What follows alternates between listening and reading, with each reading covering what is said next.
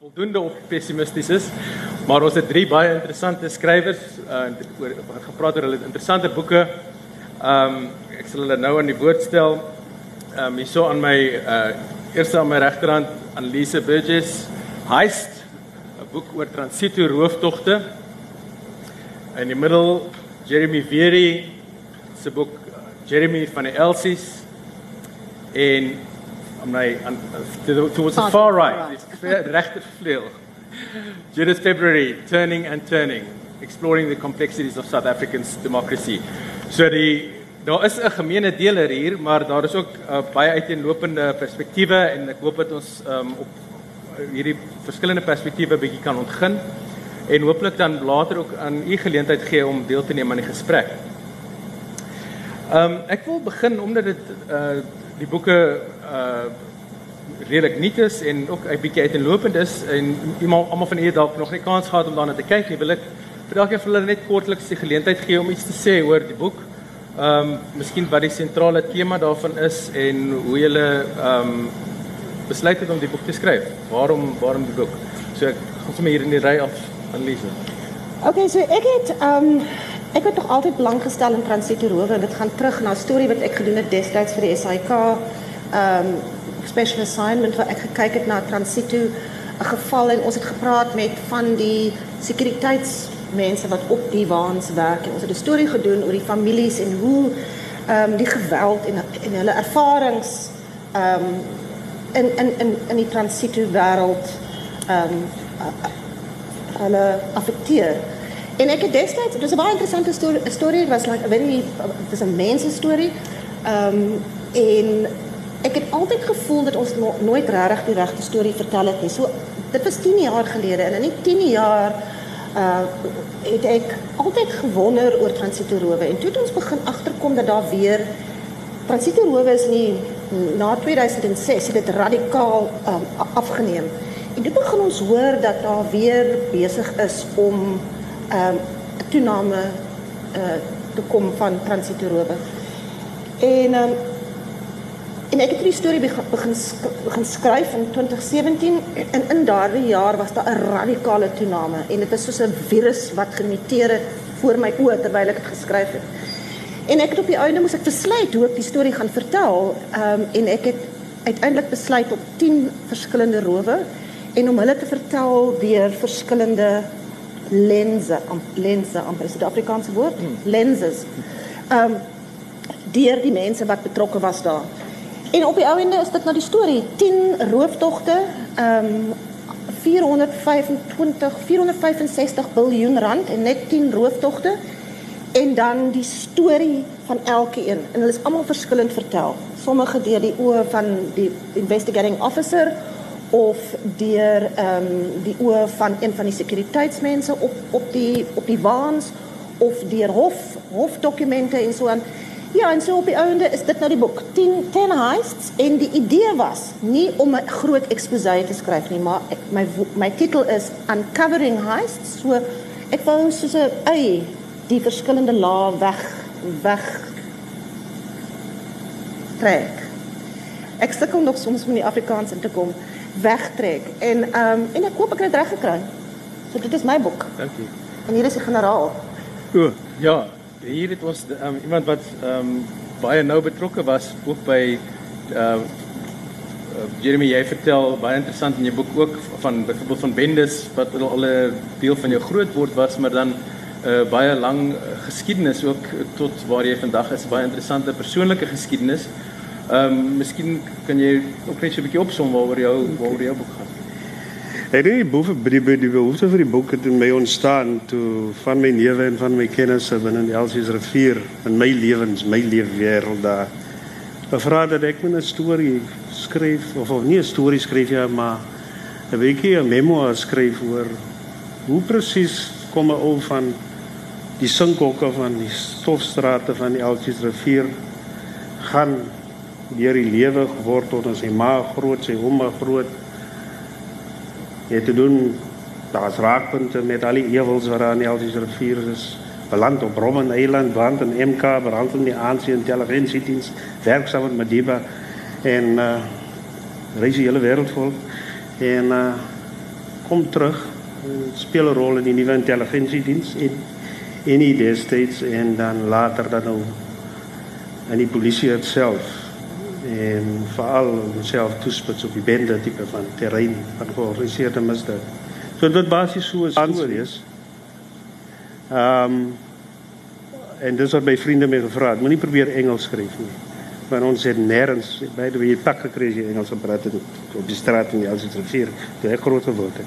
So ek moes hy Afrikaanse lewenswêreld en my pad hier met Afrikaans oopskryf en die Elsie's rivier oopskryf om vir mense laat laat verstaan dat Afrikaans het verskillende lewenswêrelde wat nog oopgeskryf is wat nog ongin moet word.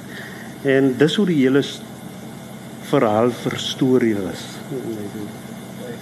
Goed, lyk my dit is my klankstelsel die probleem veroorsaak het. Ehm um, ja, dis 'n mooi woord wat jy gebruik kom vandaan, jou jou kom vandaan wat jy waar, waar jy skryf.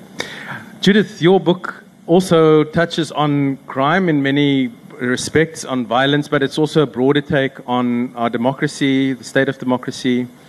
Um, and, and so violence and crime is, is part of that broader picture. Maybe you can give us a summary of your.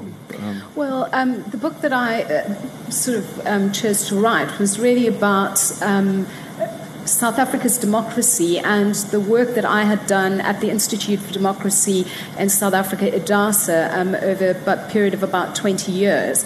And um, the first sort of big piece of work we did on institution, um, looking at examining democratic institutions, was around the arms deal. And what I tried to do in the book is sort of make it something of a, you know, intersperse it with personal stories of, you know, 20 years of kind of working in that field, following Parliament, um, you know, following the arms deal. IDASA, we were the first organisation who did substantive work on the arms deal in terms of the way in which the shutting down of that investigation had a deep impact on emasculating institutions like Parliament, um, the Public Protector. We know what happened to the SIU and so on. And so um, that's what I try to do um, in the book, and also try to join the dots because I think in South Africa we sometimes, you know, we look at state capture and we're all terribly horrified, but actually we need to join the dots from the arms deal, you know, right through to party funding issues that I also worked on um, extensively at IDASA, and also Chancellor House, how that links to ESCOM and how we get to issues of state capture. So um, I try to link um, those in the book, um, and you can decide um, how well or how badly I've done that. But also um, looking at other issues like our public discourse and how the levels of increasing inequality, poverty, and unemployment have an impact on the way in which we speak to each other and about each other and our stories. Um, and so that, in a nutshell, is what the book tries to do, and also look at it through various lenses and then trying to look ahead as well because um, and looking at, at what is needed if we're going to try to, to fix South Africa. Um, and so I, I try to end on an optimistic note. ons gaan bietjie later weer terugkom oor na die kwessie of dit of ons optimisties moet wees, kan wees. Ehm um, ek dink wat duidelik nou uitkom is hier is daar's verskeie perspektiewe, verskeie lense op geweld en misdaad. Ehm um, wat vir my interessant was is ook ehm um, om Jeremy byvoorbeeld jou boek vat die hele geskiedenis van geweld ehm um, in al sy forme waarvan jy ook 'n slagoffer was, uh, staatsgeweld onder die apartheidsbestel uh, tot vandag. So ek ek wil ook graag 'n bietjie praat oor die lens waarop waarop wat wat ons kyk na misdaad. Ek dink ons kyk baie keer na geweld en misdaad vanuit 'n bepaalde lens, miskien kriminaliteit, maar miskien nie genoeg daaruit vanuit 'n sosiale perspektief nie. So miskien bietjie daarna toe gaan, maar ek wil eers bietjie kyk na ons tema. Ons praat oor waar bendes regeer. Ehm um, is dit is misdaad die definierende kenmerk van ons samelewing? Is dit uh, are we too paranoid about mis, uh, about crime is ons te te, te bekommerd daaroor uh, of is dit werklik in die in die sentrum van ons ehm um, samelewing? En wat sê dit dan van die Suid-Afrikaanse demokrasie? Is dit ehm um, regeer die bendes of is iemand anders in beheer? Ehm um, miskien kan ek maar weer hier by jou begin Annelise ek dink ek dink ons moet die die konsep van bendes bietjie weier vat as net ja. kriminele bendes. Ehm um, ek dink as die die die die onderwerp van my boek is 'n baie spesifieke fokus. Ek kyk na transitoerowe of cash crimes. En ek dink tot 'n sekere mate was dit vir my skokkend om agter te kom hoe ongelooflik groot hierdie hierdie hierdie crime subset is. Ehm um, en hoe effektief hierdie mense is, hoe goed hulle is met met wat hulle doen en en hoe verstommend vinnig hierdie hierdie virus gemuteer het oor die afgelope paar uh, paar jaar.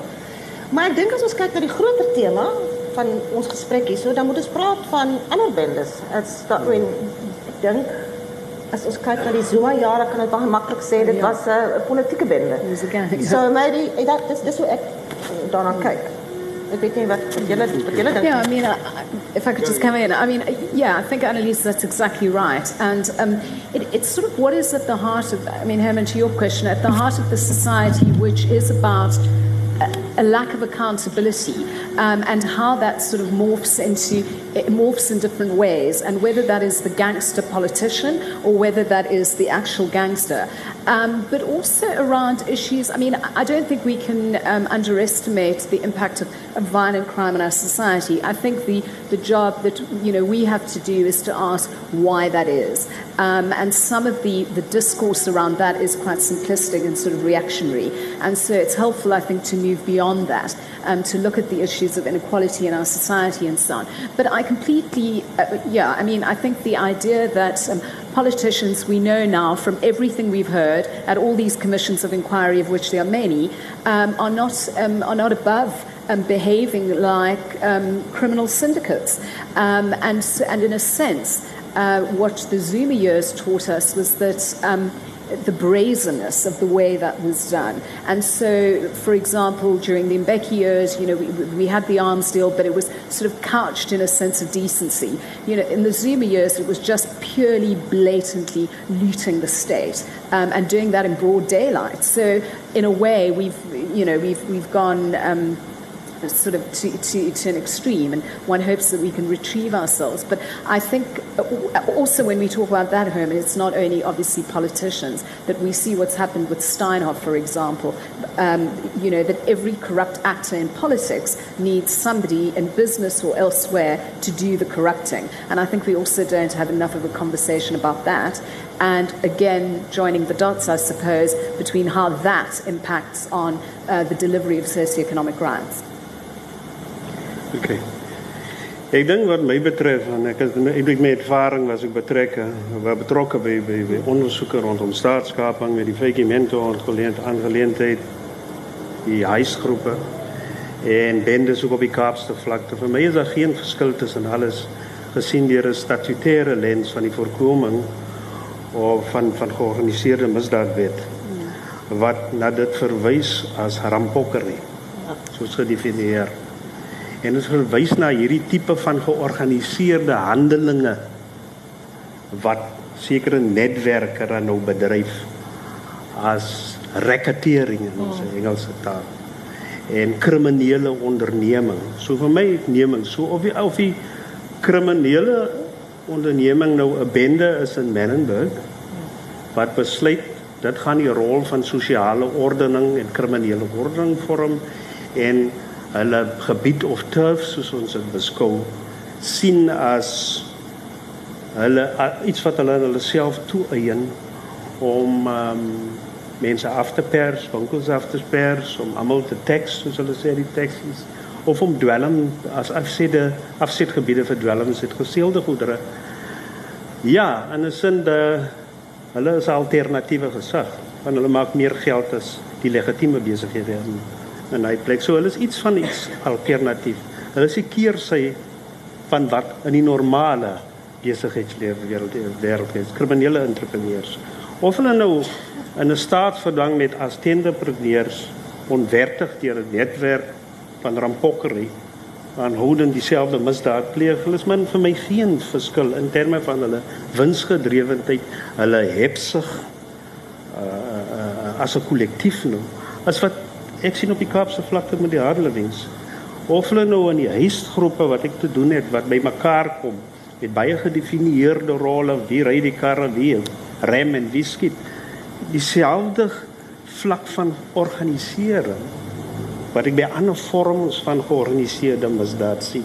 Deur daardie statutêre lens. Dieselfde rampokrasa. Vir my maak dit nie saak of jy BMW dra of jy 'n suit dra of jy in die parlement sit of jy die CEO van 'n maatskappy is of jy Rashid Stagiewer die leier van die Harlem Swem. Ek sien dieselfde handelinge, ek sien presies dieselfde motief en ek sien dieselfde vlak van georganiseerde misdaad dis dis ek dink baie interessant met ander woorde dat ons kan verskillende uh manifestasies daarvan sien maar dit is eintlik dan onderliggend as ek julle reg hoor 'n kultuur van misdaad, kultuur van geweld wat ons in ons land het. Waar moet ons gaan soek vir die wortels daarvan? Want ek ek dink dit is Antjie Krog in een van haar boeke wat sy sê this has always been a violent country. Ehm um, da dit is dit was altyd daar geweld. Hoe ver terug moet ons gaan? Is dit iets wat in ons geskiedenis lê? Is dit iets wat lê in ons uh, in die, die post-apartheid tyd? Ehm um, Annelise, jy praat van ehm um, uh you agreed not need is dit is dit 'n hepsig waarvan jy praat? Ehm um, want as mens kyk na ongelykheid, uh, Suid-Afrika is wel een van die of miskien die ongelykste land in die wêreld, maar daar is tog ander Afrika lande wat ook waar daar groot armoede en groot ongelykheid is en dit lyk tog asof die vlakke van geweld in Suid-Afrika hoër is. Ehm um, en daar is iets tog uh dieper uh, in in Suid-Afrika lyk dit vir my. Ek weet nie, sou julle daarmee saamstem? Waar waar gaan soek ons vir die oorsake van hierdie geweld om dit te kan aanspreek? Jy kan kan sien. Okay. Annelies looks like she wants to En start. die polisie sê ons what was the founding crime of this country? Wat is jou enige land? Gaan kyk na wat was die founding crime man.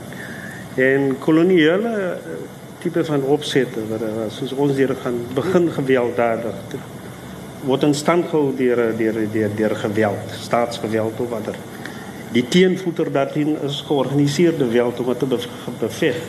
En as jy in die middelterrein is en jy wil nie betrokke raak by die geveg teen dit politici, dan is jy in 'n gemarginaliseerde omgewing so dan dan is 'n kriminele tipe van van van van van vorm van van van organisasies. Hier is daar ander iets waar sekere mense voel hulle dan nou uiting kan gee aan hulle aan hulle hebse of hulle behoefte om om om om kapitaal te te te akkumuleer in 'n kriminele sin. Ek vat byvoorbeeld. Ons sien hierdie land is het van die oudste bendes in die wêreld. Ons het die 28, die 26 en 27 bendes wat se ontstaan se ontstaan het in die myne in die vroeë jare in die laat 1800s uh van uh, groepe genaamd Ngozi Wezintaba en die tipe van groepe of die Ninevite wat hulle self georganiseer het rondom hierdie nommerstelsel. En dit was altyd daar. En dit was nooit beveg nie. En een van ons probleme was dat ons nie hierdie wetgewing gehad het om dit as 'n probleem statutêr te verklaar nie. Met ander woorde, die hele geskiedenis van ondersoek van bendebedrywe het nooit groeps georganiseerde misdaad reg aangespreek nie. Of dit nou hier is, of dit met die FBI was waar Edgar Hoover nooit gesê het die maffia bestaan nie. Die hele speurtradisie was gerig rondom individuele misdade individu- individuele misdadigers wat bymekaar kom in 'n sameswering om 'n sekere job te doen byvoorbeeld. Roofbendes soos ons op die rand gehad het in die 18 1800s met Jack McLaughlin en sy Ierse brigade.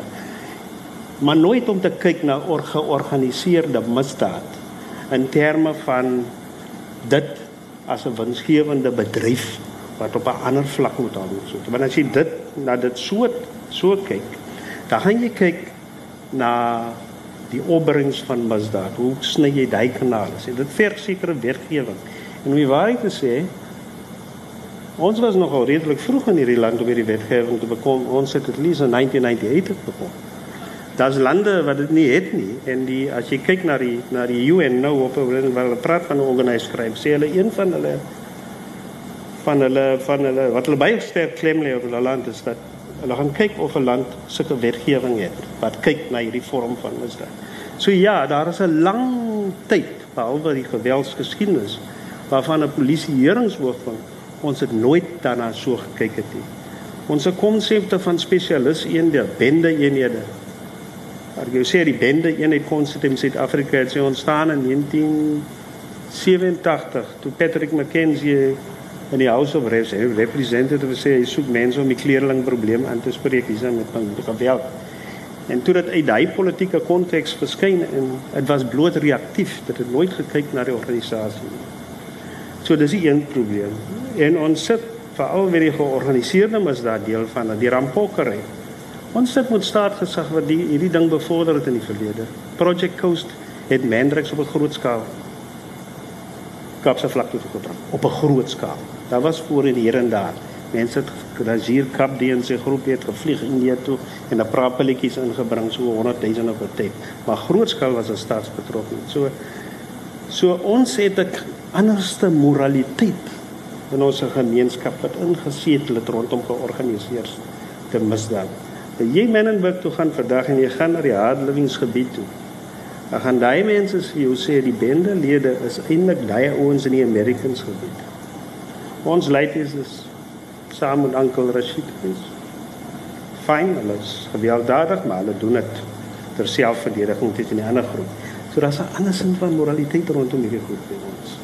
As ons op 'n staatsvlak soms praat van van gewelddoening byvoorbeeld van die verlede, daar beskou dit as as kyk na die verlede nee okay ons verstaan wat in vlak plaas gestaan het. Ons verstaan wat MK gedoen het wat ons moes gedoen het en ons half regverdig het buite sy konteks uh tot die mate vandag dus ek sê altyd vir my kollegas jy weet jy leef die ends is fine you live with it, but it's the means that you're going to, it's going to suffer under forever. So dis vir my die kultuur waar ons geval, waar ons geval het met die ding. En Lisa?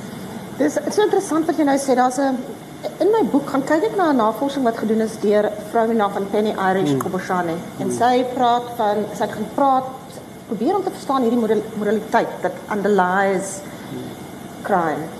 En een van die goed wat vir my fascinerend was is sy sê die mense die mense met wie sy gepraat het, het gepraat oor just just uh crime and unjust crime. So daar is hierdie hierdie hierdie verskillende levels op waarop mense ehm um, hulle kriminele activity justify. Ehm um, daar's byvoorbeeld in een in uh, een van die heists wat ek doen is daar so 'n hele proses wat ons agterkom deur die as mens al die hofdokumente lees en die en die evidence wat in die hof voorgelê word, is daar baie gesofistikeerde grooming proses van 'n uh, persoon binne 'n uh, cash and transit company wat moet oorgebring word, wat moet oortuig word om om saam te werk met die met die um met die gang. En aanvanklik wil sy dit nie doen nie en sy sê nee, ek gaan gevang word ek wil dit nie doen nie en so en en dit is 'n baie gesofistikeerde proses wat op die ou einde um draai by die persoon wat die grooming doen wat sê maar die mense in hierdie in hierdie uh companies wit mense en hulle voel niks vir jou nie. En hy bring 'n ding op wat gebeur het waar hulle haar uh, geaccuse het van geld steel en sy het 'n verskriklike wrok gehad daaroor. En dit was die begin. Sy het sy, sy toe begin om bietjie inligting te gee. En die heel op die ou einde, dis net so klein detail wat ek opgetel het in die hofdokumente, sê hy op 'n stadium vir ons vat net wat vir ons wat wat van ons gevat is. En dit was ook die ding wat daar gedraai het. En ek ek dink dit is miskien iets van ons nie ons kom van so 'n history van injustice. Dat dan dat dat dit moontlik is om iemand soos hierdie vrou gift te draai om te sê okay, ek gaan dit doen. Ek ek ek ek, ek kan dit justify myself om om involved te raak in hierdie in hierdie ehm um, heist. Judith? Yeah, I mean, it's interesting because, so is Hassan. No. Uh, Do you want to use this? Yeah.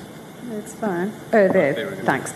Um, it's interesting because I mean, this conversation about, um, you know, Jeremy, your point about sort of the original sin, and I mean, we talk about land, the dispossession of land as the original sin, the kind of violent act of. Um, of taking away, of, of theft, which is at the heart of this country.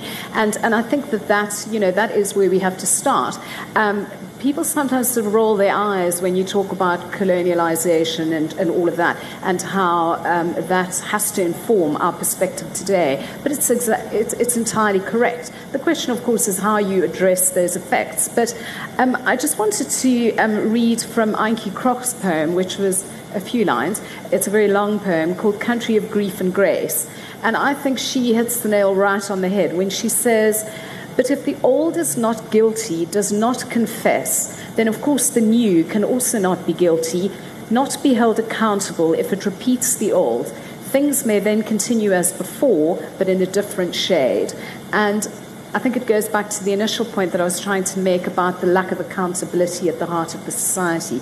And did we have, we didn't have the proper rendering of accounts at the TRC. So the country is awash with the unfinished business. Um, and unfortunately, what we've seen after that has exacerbated that. But we have to go back to the very beginning. To that, I mean, if you read um, the diary, the Sol Plaatjie diary, but also, you know, his subsequent writings around 1913 and waking up in a country where you feel a stranger. Um, and, and then having to go to England to try and negotiate about one's own land. Um, that leaves a scar on the psyche. And so that one deals with in different ways. It, it, whether it's, you know, I mean, District 6, whether it's the dispossession there, the violence that we see on the Cape Flats, which Jeremy describes, this is, um, this is South African life. So, yeah. So I just thought that that was an apt way of her drawing together the strands of the lack of accountability. Ja, so die wortels hiervan lê diep in die verlede. Um, maar wat vir my ook interessant is is dat in al drie julle boeke praat julle ook oor die jeug, oor jong mense. Ehm um, Annelise, dit is skokkend om te lees dat daar een, een van jou gevalle dink ek was 'n 16-jarige, reg, uh, die eerste storie wat jy eerste vir 16-jarige uh, uh, seun betrokke by 'n transitoeroof tog.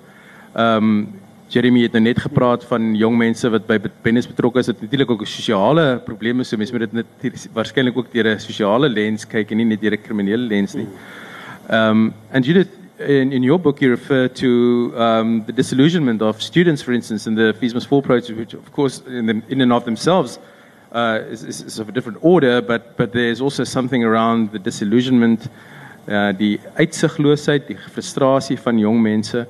Um en dit is dit is dan 'n bron van kommer as mense so sê dat die die die die wortels van misdaad en geweld lê in die verlede maar dit is ook nog die saaitjies word nog vandag geplant. So hoe gaan ons toekoms lyk? Is dit uh, gaan uh, maak ons 'n uh, geslag van ehm uh, mense groot wat is dit die die die stand van sake vir die voorsienbare toekoms? Hoe draai ons hierdie gety om? Ehm um, hoe spreek ons dit aan onder jong mense? Ek wil miskien net een trapje teruggaan. Um, Judith het gepraat van the unfinished business, that we are washing unfinished finished business. En ek dink ek ek praat baie daaroor uh dat ek ek het was by die uh, Truth Commission het ek daai hele proses as 'n joernalis ge, ge, gevolg en daarop gerapporteer. En die een ding wat vir my so duidelik is is dat ons as 'n land is ons as 'n nasie dink ek.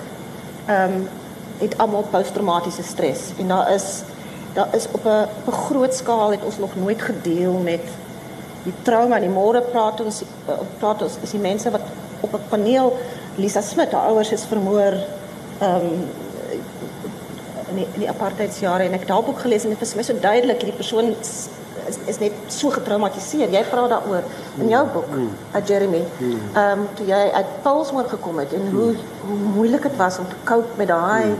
experiences en die die, die, die foltering en en en die, in die tydperk in die tronk. En ek dink ons het as 'n land het ons nog nooit gekoop met ons trauma nie. Mm.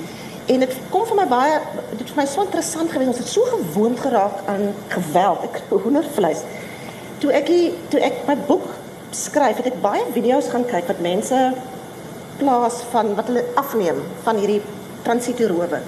En die ding wat my so geskok het is, mense neem dit af op 'n selfoon. Hulle, hulle sien dit gebeur voor hulle. Ja. En daar is geen amper geen skok nie. Ja. Mense, jy weet mense, is amper hierdie hierdie hierdie deadpan aanvaarding van hierdie gewelddadige misdaad wat reg hier voor ons gebeur op 'n highway of of in die winkel voor ons. En mense is net so, daar was hierdie een amazing geval. Dit's briljant afgeneem. Daar is dis op 'n redelike afgeleë pad en hierdie twee ouetjies, Afrikaner ouetjies is in die kar en hulle sien hierdie ding gebeur en dit is so amper unspectacular vir hulle. Jy weet, like hier sien, kyk wat gebeur daar. And then you look at this and you think, what we are seeing is like a full-scale violent attack met mense met masjiengewere. And en ek dink dit was 'n complicated ding. Aan die een kant het ons hierdie posttraumatiese stres en aan die ander kant het ons is ons so gewoond aan geweld dat dit nie eers meer asof net soos meer kan skok amper op 'n manier we nie. sort of inured by it. And then, you know, we had a former president who thought it was fine to invoke struggle, you know, bring me my machine gun. That kind of, the narrative of that is also uncomfortable. But I, I think it, it feeds into that. But um, yeah, we are inured to, to the violence, and how does one, you know, how do we become shocked? It's almost like watching Donald Trump every day. You, you, we- you're not shocked by anything that he That's says because it's just it's too much. Um, and so I think, in a sense, we're there with violence. But and Herman, I mean, to your question about the youth. It's interesting because when we're talking elections, and there are lots of conversations about elections, I mean, the question is whether young people will go out and vote. You know, turnout is going to depend a lot um, on, on young people who register, who've registered and gone out to vote.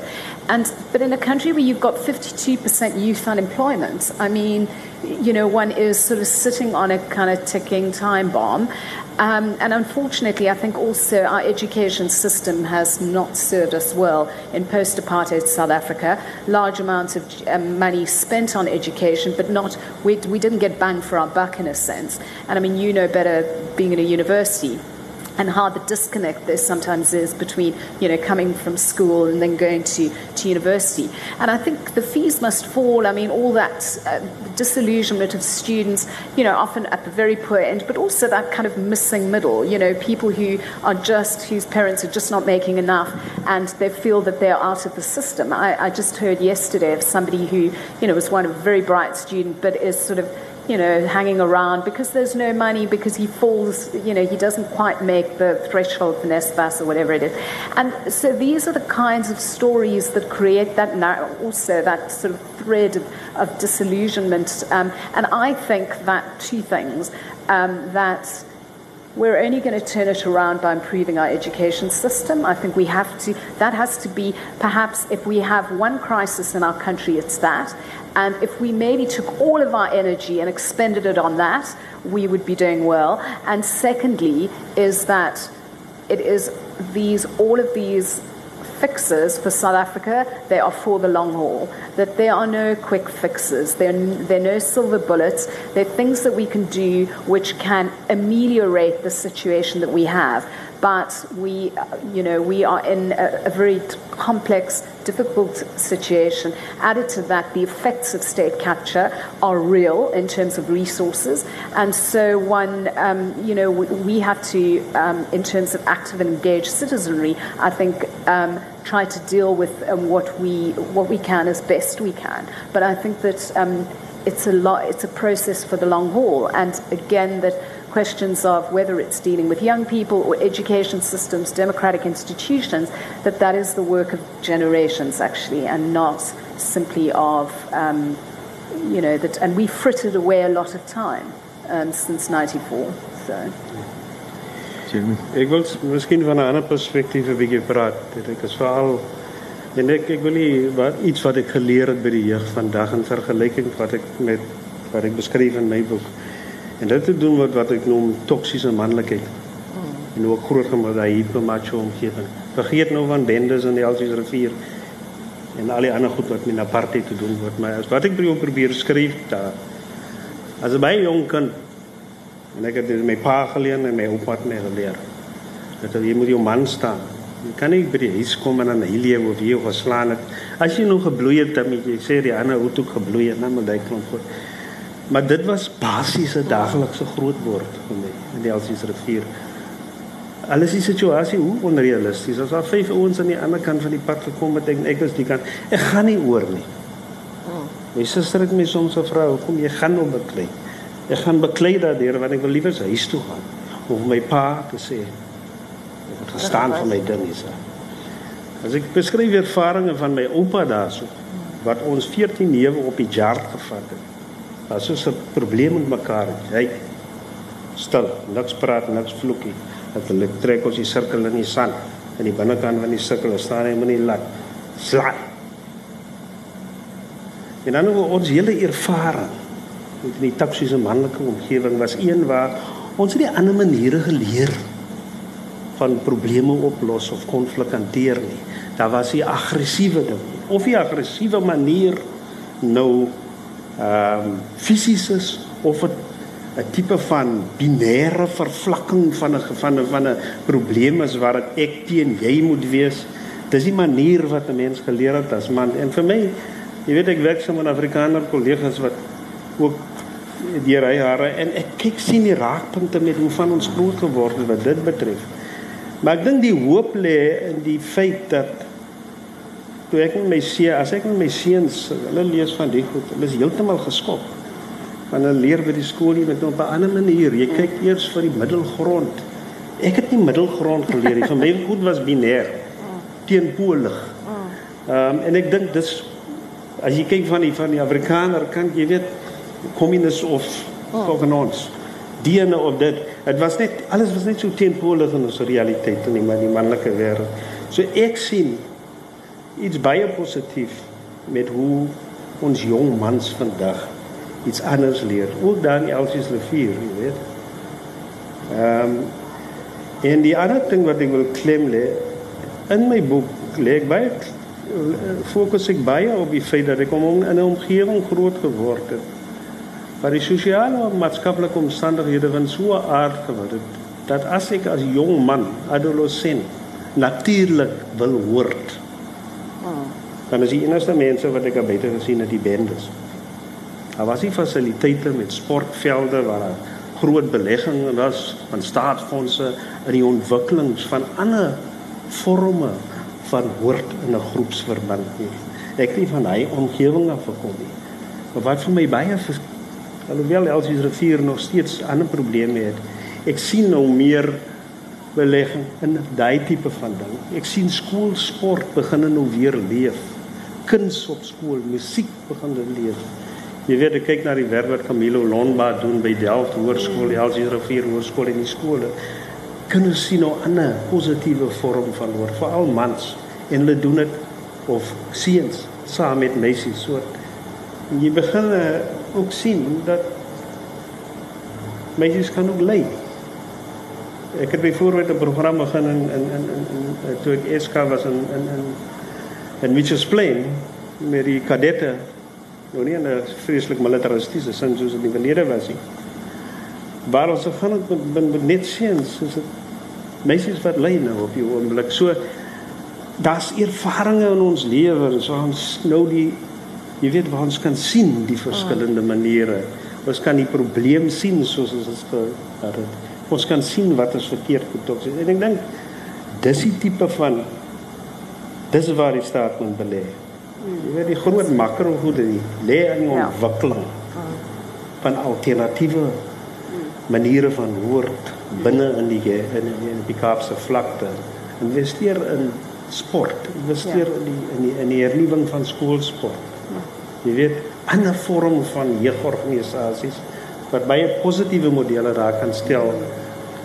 As wat ek met Menenberg met deur oopmaak, dan sien ek net die HLs en dan sien ek die Americans en dis die enigste jong mense wat wat my portiergroepe uitmaak dit gaan ook dit gaan ook op 'n manier oor ander manier ander tale aanleer. Ek dink jy praat lees ook van 'n uh, violence as a means of expression dink ek is die term wat jy gebruik het geweld eintlik op maniere is om vir mense baie keer om iets uh, iets uit te druk waarvoor hulle nie 'n ander taal op 'n manier het of 'n ander uh, en en in die in the feminist form movement I think one of the points that were the, the idea of toxic masculinity was also um, you know, front and center of, of some of that, that those attempts to decolonize, change the language. Uh, en natuurlijk, mensen kan vervallen, en zoals je ook zei in je boek, um, mensen moet gaan en misschien meer verfijnd nuanceren over wat bedoel ons met dekolonisatie of wat ook al. Maar ik denk wat voor mij interessant is, en aan, aan al je boeken komt daar ook iets uit van, van hoe praat ons, hoe gaan mensen met elkaar om. Ja Ehm um, uh watter soort taal en hoe leer mens luister? You refer to Anthea Garman's work on listening. Die hele idee van van om te gaan luister na mekaar is iets wat interessant is. Ek weet nie of jy iets daaroor wil sê nie, Annelies. Die... Nee, ek, ek dink dis nou ek wat maybe van die topic af is, maar ek dink ons het hierdie ek dink die negotiations wat gekom het na die ontbinding van die ANC, daai proses van skryf ons ons um constitution skryf, daai proses van saam sit en praat en uitkom bepunt. Is 'n baie ek weet mense baie mense kyk nou daarna en sê you know it was a sellout and that people you know people were sold out maar ek dink die daai proses is 'n ongelooflike powerful ding in ons Suid-Afrikaanse siege. The South African way. Um is om te gaan is om op die einde te praat en dit uit te figure and I mean it was it, it was a miracle in the end that we were able to do that. Um en ek dink en ek dink dit is 'n baie powerful ding in in in ons samelewing. Dis almost mythical thing that South Africans can figure things out by talking. En ek dink mense sien dit oral. Mense sien die ding dat jy praat van ander maniere kry om om om te praat. Ehm um, ek is ek raak altyd baie upset as mense die die negotiations proses mm. afmaak as iets wat nie belangrik was nie. Ja. Ek in my in my mind is dit 'n hoeksteen van 'n nuwe manier van met mekaar omgaan. I mean, just to come in, because I, I, wrote quite a bit about this in my book, in the protest and discourse um, in that chapter. And um, I think it's, I completely agree, because obviously amongst some uh, students, for example, I mean, the, the cachet, was, there was cachet to saying um, Mandela saw us out, you know, we got the short end of the stick. Basically, white people stayed, stayed with everything and all of that. And so essentially the vote, but not the economic power to go with that. Um, and so uh, that, you know, I suppose part of it is about a constitutional education as well, about what that negotiation process actually meant, that it was work you know, it wasn't just sort of um, a couple of people getting into a room in a couple of days and sorting it out. It took years and it was work. And so, and, and that that work is still continuing in a sense. But uh, Annalise, I mean, I think it's a mixture of things. So I think that we have that at the heart of our society, but then other times we fail spectacularly. We fail spectacularly to, to meet each other at any point. I mean, if you look, if you read, you know, all the little incidents that happen every day, whether it's Ashwin Willemse walking off a set, you know, the kind of stuff, Penny Sparrow, you know, all of that stuff, how we don't, um, and how we don't see. Um, and so it's, it's interesting because I think that we need to reclaim that sense of kind of negotiation, that sense of talking, that sense of thoughtful deliberation about what for example, when we had the constitution making process, what that would look like. I mean, this idea that the constitution is some sort of construct that was forced upon us is just wrong. Um, and so, you know, how do you rekindle that? Um, within the society, within the discourse and so on. And I mean, Jeremy, to your point around um, around music and the arts, and I think it's there was something in the budget speech about a national orchestra that was going to be um, funded, and people were getting very excited about it. And we should be getting excited. This is exactly where money needs to be ploughed in, so that there are alternative ways of being, um, which uh, children in townships don't see don't see too often. And we have these conversations conversations about the education system and how uneven it is. That the kid in Rondebosch has more opportunities than the child in you know, wherever. So those are the ways in which we can try to, to change the, narr- the narrative so that something else is possible. Mm. Yeah. Maar dat mens ook nie bang is vir emosie en woede. Ek dink you, you also refer to the fact that uh, this listening, it's not always a rational conversation. Yeah, there, there, yeah. there will be sometimes people will be angry and people will be emotional. Mm. En, en hoe mens daarmee moet omgaan, hè? Dit is uh, ook iets hier. It's with difficulty. it's hard. Um, yeah. Ek wil graag aan die gehoor. Ek dink daar sal waarskynlik 'n hele paar vrae ehm um, wees. Ehm um, geweld en misdaad is so deel van ons alledaagse bestaan in die land en en en ek seker daar's vrae nie gehoor. Ehm um, so ons het omtrent so sê maar net so bietjie minder as 10 minute oor. Ehm um, ek wil graag die geleentheid gee vir mense die gehoor om miskien ook vrae te vra aan die skrywers. Ehm um, Ek wil ook net voor ek vergeet net noem die boeke is hier langs aan te koop. Ehm um, die van u wat dit nog nie gelees het nie. Ehm um, gaan gerus na die tyd. Daar's 'n vraagie voor. Ja meneer. Uh, my vraag aan generaal weer is na aanleiding van sy opmerking dat die nommerbendes op die myne ontstaan het. Nou is my vraag floreer dit daar nog steeds? En indien nie, hoekom floreer dit so op die Kaapse vlakte?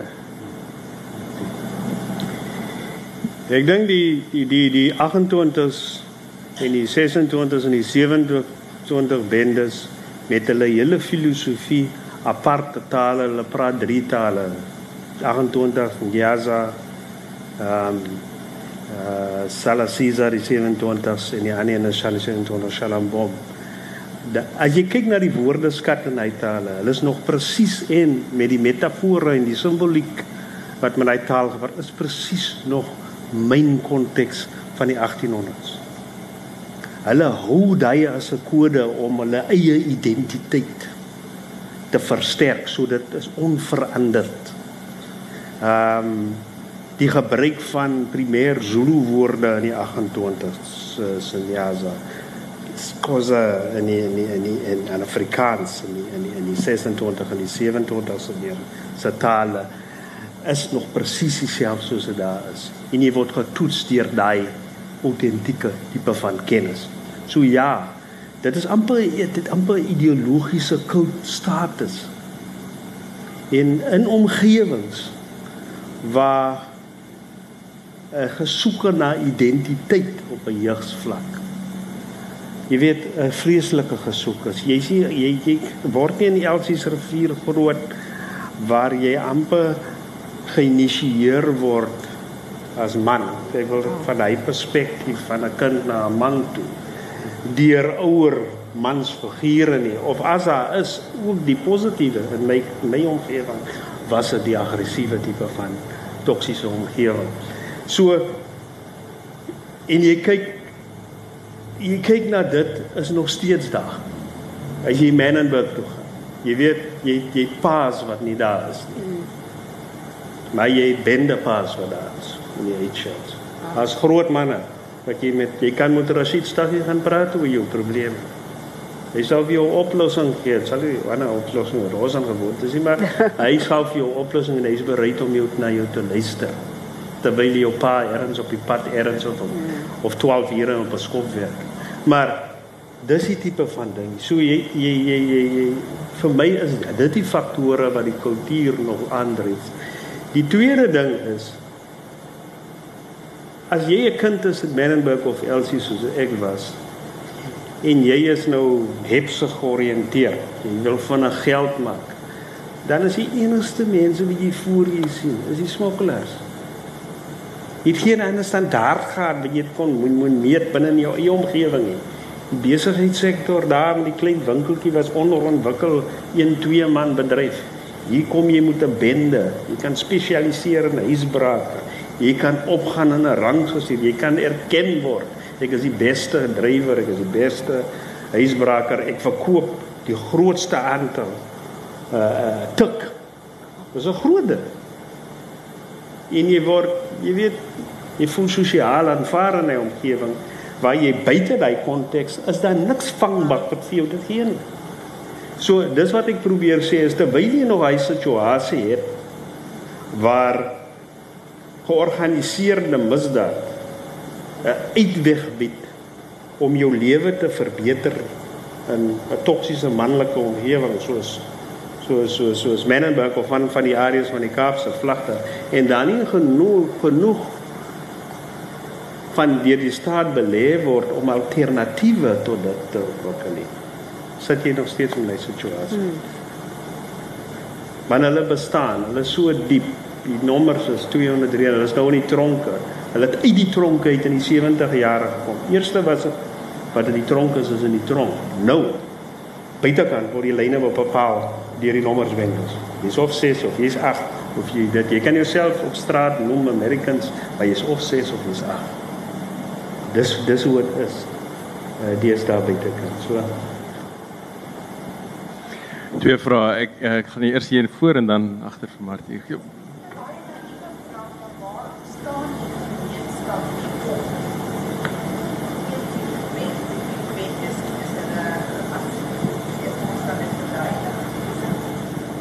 Waarom staan die gemeenskap nie op teen teen bendes nie? Ehm um, Martie, wil jy miskien jou vraag ook vra? Eers sal ons eers daai vraag vat en dan goed, kom ons vat eers daai vraag. Waarom staan die gemeenskap nie op teen bendes nie? Is dit die staan ek korrek? Kyk, sover as my betref, daar was 'n tyd waar die gemeenskap met sekere vorms van mobilisering in die 80e jare wat te band het gehad met die stryd teen apartheid was daar op voedselstrukture, daar was civic organisasies, daar was straatkomitees. Met ander woorde, daar was 'n alternatiewe kollekte, kollektiewe mag wat ingedres het op die gebied van die bende. So die bende kon sien ons het te doen met 'n georganiseerde mag wat groter is as hulle. En vir 'n bate, daar was wel geweld, maar die vlakke was nie so hoog gedurende daai tyd nie. En en en dis vir my 'n voorbeeld. As ons praat van die gemeenskap, is nie 'n algemene konsep nie. Mense moet georganiseer word om daai mag te vertoon as 'n teenmag tot die bende. En dit is waar aan belê word. Jy weet sterk gemeenskapsorganisasies moet gebou word. Ehm um, met die hulp van die staat. Ons GPF strukture byvoorbeeld. Ons het die hoop gehad uh met die idee in ons in ons polisiewet wat dit statutêr voorskryf dat GPFs daai alternatiewe gemeenskapsteenvoeter georganiseerde teenvoeter gaan hê. In die middelklas areas werk het. ons soort geld in in in buurtwagte. Ons ons het sekuriteitsmagte wat 'n groot kollektiewe mag is. Ons het ander vorms van gemeenskapsorganisasies wat 'n alternatief aanbied of wat hierdie mense op sy skuif te mate. Jy weet wat kan kompeteer. Maar ons het dit nie in Menenberg nie. Ons het dit nie in Menenberg nie. So wat jy eintlik sê is die gemeenskap natuurlik sal die gemeenskap wil ja. opstaan daarteen, maar hulle kan nie. Maar, opstand, ek is 'n revolusionis hmm. van die verlede. 'n Opstand gebeur nie spontaan. Dit word georganiseer. Dit aktiviste wat 'n sekere bouende rol speel wat mense bymekaar bring en hulle mobiliseer rondom sekere belange. Alhoewel dit die breë ideologiese belange aan het die staanspoor is maar rondom hulle hulle probleme in 'n spesifieke. Ons het nie meer dit nie. Ons het politieke party wat net makropolitiek aan ja. mense verkoop voor 'n verkiesing wat nie wesenlike oplossings wat prakties praat tot hulle situasie in Menenberg in Google toe kan aanbied die behalwe abstrakte ideologieë en en teorieë of wat hulle moontlik gaan doen indien hulle in beheer word of in beheer sal bly. So dis die tipe van ons het net die mense wat veronderstel is om my rol te speel is net nie meer daar nie. Maar hulle is ook en daar's ook die ontnigtering in in gemeenskappe self soos ja. wat jy sê uh, analise van mense wat eintlik toejuig baie keer dat dit amper sê maar hierdie is 'n uh, die die geweld is teen een of ander stelsel, een of ander on, uh, onsigbare stelsel waar waar teen hulle ook op 'n manier beklei. Um Judith, you look like you yeah, want to add. No, no, I mean I'm just I was reminded of the um this understanding of active citizenship and you know how do we actually exercise it? And that um, some of the passivity of the past 25 years that we've you know that we sort of went well now there's democracy we'll leave it up to the ANC to kind of sort things out. Um, well that didn't happen. And suddenly there was sort of rumblings, I think, um, towards the end of the Zuma years, um, where people started on about the macro stuff, going actually local government elections, you could see it, um, how people were voting against the status quo, um, rank and file ANC members. And then you sort of looked at, um, yeah, uh, Save South Africa, people taking to the streets and so on. And I mean, in my book, I talk about um, Harry Boyce. He's an American um, academic, and he talks a lot about civic activism and how do you and he goes right back to the American civil rights movement in the 1960s. Mm. But he talks about um, communities of purpose or whatever it is. And, you know, how do we, it starts small. He talks about the hairdresser, you know, the church group, the, um, and quite a few of these groups have broken down in the past 25 years, which were very active in the church communities and so on, um, young people being drawn into that. And so, how do you actually um, reform those circles of influence and activism, which are small and which are in community? And I think sometimes we underestimate the value of something which starts small, but it has to be if you're going to change the cycle that you're talking about, Jeremy, whether it's a, a library group, whether it's getting kids off the street, I mean, things like a cycling group, whether it's people worrying about clean streets, you know. Um, and so, so that's the kind of thing I think we need to rejuvenate. Take away our passivity, because what we've seen is that the politicians are not going to do it for us. You know, no point in waiting mm. for the DA or the ANC to come into Manenberg and solve the problem. They're not going to do it. And so, and you, you get caught up in all this partisan stuff. We need the resources, but people, and that's the other point is that what is about accountability? It's about our the citizens' demand for it. So we can only build a better society, one which is less corrupt, if we demand that those who hold power on our behalf are more accountable. And so if there's not the demand, we won't get the supply. So, um, and I, I strongly believe in in citizen groups to change our country. Um, we've seen it over and over. We have to start being less passive. Een laaste vraag. Laat ek miskien daar agter waar die mikrofoon alreeds is. Uh, ja, miskien kan ons sommer albei gelyk vra en dan en dan kan ons miskien almal saamvat. Okay. Maar Martie, dink jy het ook nog 'n vraag gehad hiervoor? Baie dankie. Is nie nie eintlik 'n vraag nie. Uh, ek sê baie dankie vir u al drie daarvoor vir vir hulle bydrae wat hulle gelewer het. Uh maar as ek wat ek nou gaan sê sal 'n platform vir 'n volgende debat wees. Maar wat ek wel wil sê is dat uh wat ons die die fout baie keer maak is om na segmente van die samelewing te -hmm. en net nie na die geheel. Ik denk dat het is bijna noodzakelijk dat iets op een stadium op verschillende vlakken ja. uh, misschien gereeld wordt of er daaraan gedenkt wordt, zodat de mens uh, die segment, al die segmenten kan helpen om gezond te wezen, zodat die geheel gezond kan wezen. Dankie. Kom ons neem net die vraag net voor u. Was daar ook nog 'n vraag sommer of opmerking? Die net net voor daar. Ehm um, ja, ek wil nou net weer terugkom na die vorige gesprek. Ehm um, jy weet in die polisie is, ek dink is vraag wat ons baie hoor wonder. Almal of in die bende getuisterde gebiede veral. Ehm um, almal weet wie die bendeleiers is, mense wat die wat die dwelms verkoop. Ehm um, hoekom sit daai mense nie tronk nie? Ek meen hulle loop op die strate, hulle kom voor met enkels bakkes en die hulle stap vorentoe. Almal weet wie hulle is. Hoekom loop daai mense los? Die dwelm, veral die dwelmhandelaars. Dit wonder mense altyd oor. Kom word hulle vasgevat. Goed. Wil jy nog Martie nog nog 'n laaste opmerking hier en dan gaan ek vir die sprekers, is ons nog voor nog een asseblief? En dan gaan ek vir die sprekers vra om sommer die vrae aan te spreek en elkeen nog 'n laaste spreekbeurt te kry. crucial question about uh, a, a, discussion, talking, because I mean everybody's talking in this country. Kyk hoe talk ons hier, so ons talk ons dinge af talk, en en yeah. But the, the fact of the matter is, you go into a shop and talk. Uh, I have friends here, you know, they sell brooms and stuff in the street, and there are two prices: white price and a black price. They say, "I corner, I corner, white price, black price."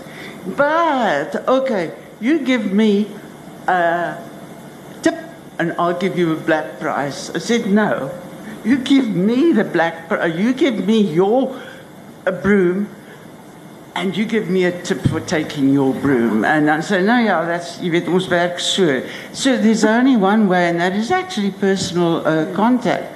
Maar je weet, uh, Jeremy Giuliani in, in New York, Hy het ingeklim. Hy's nou 'n ou bogger want hy's nou aan Trump se kant, maar daai man het New York se strate skoon gemaak binne dit was binne 'n dekade. Toe is daai ouens uh, in hulle Josie in. En in ons land is jy weet jy as jy nou wit is, is jy skuldig aan alles, maar ek is wragtig nie skuldig aan daai groot bendes in die wit wêreld nie. Daar was die tweedehands motorbendes, hulle was baie groot. Hulle is nou nog besig Brett Keppel, daai lot, hulle is almal kom van ou geslagte ehm um, criminals. Jy weet dit, dit mense het begin met met skape steel en boksteel en al daai klas van goed en so aan. So dit was 'n baie groot ding gewees 'n uh, 'n uh, misdaad in in die apartheidsjare. En jy was natuurlik uh jy het ook swaar gekry as jy gestraf is. Jy weet want die polisie het swaar gekry, jy het swaar gekry, jy moes tronk toe gaan.